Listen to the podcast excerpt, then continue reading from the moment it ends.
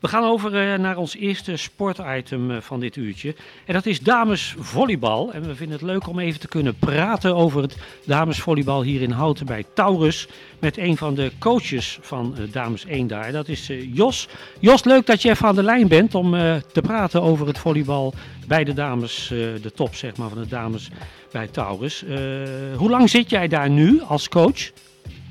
Dit wordt uh, uh, mijn en ons eerste jaar. Eerste jaar, prachtig. Dus heel nieuw, dus zowel de coaches als de groep.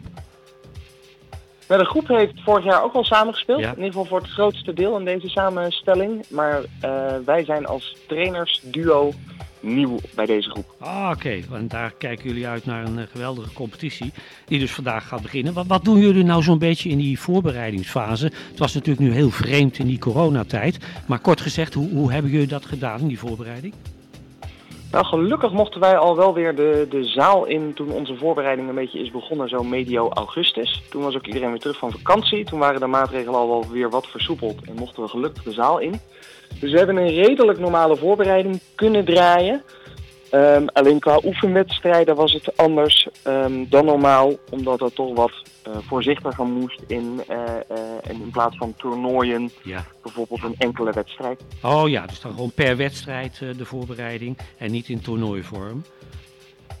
en dan krijg nee, je, want dat, dat, ja dat had dan weer te maken met de aantallen tot daar dan toch um, een beperking op zit natuurlijk. Ja, ja, begrijp ik. en nou stel, uh, de competitie gaat beginnen, dus de belangstelling ook van de zijde van uh, familie, vrienden en bekenden en andere volleyballiefhebbers om te komen kijken, ja, neemt natuurlijk ook uh, toe. En is dat goed geregeld nu bij Taurus? Taurus heeft hele heldere richtlijnen daarover, um, die ook allemaal bekend zijn en, ja. en zichtbaar op de, op de website. Um, dus gelukkig kan er gewoon publiek komen. Alleen ook daar geldt natuurlijk dat uh, ja, een soort van vol is vol. Ja, begrijp ik. Dus dat het uh, in ieder geval uh, voldoet aan de maatregelen die landelijk gesteld zijn. En protocollen die ervoor zijn. Hè. En zo geldt het dus ja, eigenlijk vanaf vanmiddag wanneer jullie een uitwedstrijd gaan doen in Woerden. Hè? En ook dat heeft een bijzondere twist gekregen door ja. corona. Want wij werden gisteravond op de hoogte gesteld dat een van de speelsters van het team uh, positief getest was op corona. Oh. En daarop is besloten om de wedstrijd uh, te gaan verzetten. Ja.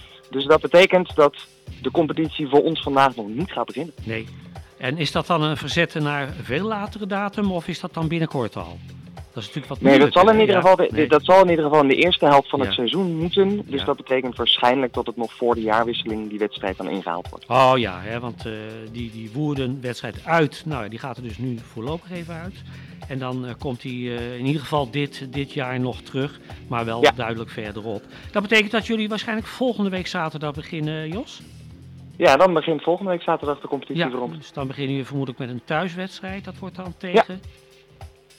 Ja. Um, dat weet ik niet uit oh, weet je nog niet? Nee, oké. Okay. Maar oké, okay, dus volgende week zaterdag is dan... Uh, ja, maar goed dat jullie dat nog net horen voor de, de dag zelf. Maar dus dat is echt uh, heet van de naald. Uh, je kunt niet spelen in Woerden in verband met corona daar. Ja. Dus dat gaat dan niet door. hebben jullie dan zelf nog wel iets in de plaats? Of zeg je van nee, we geven de dames nog eventjes de zaterdagmiddag rust?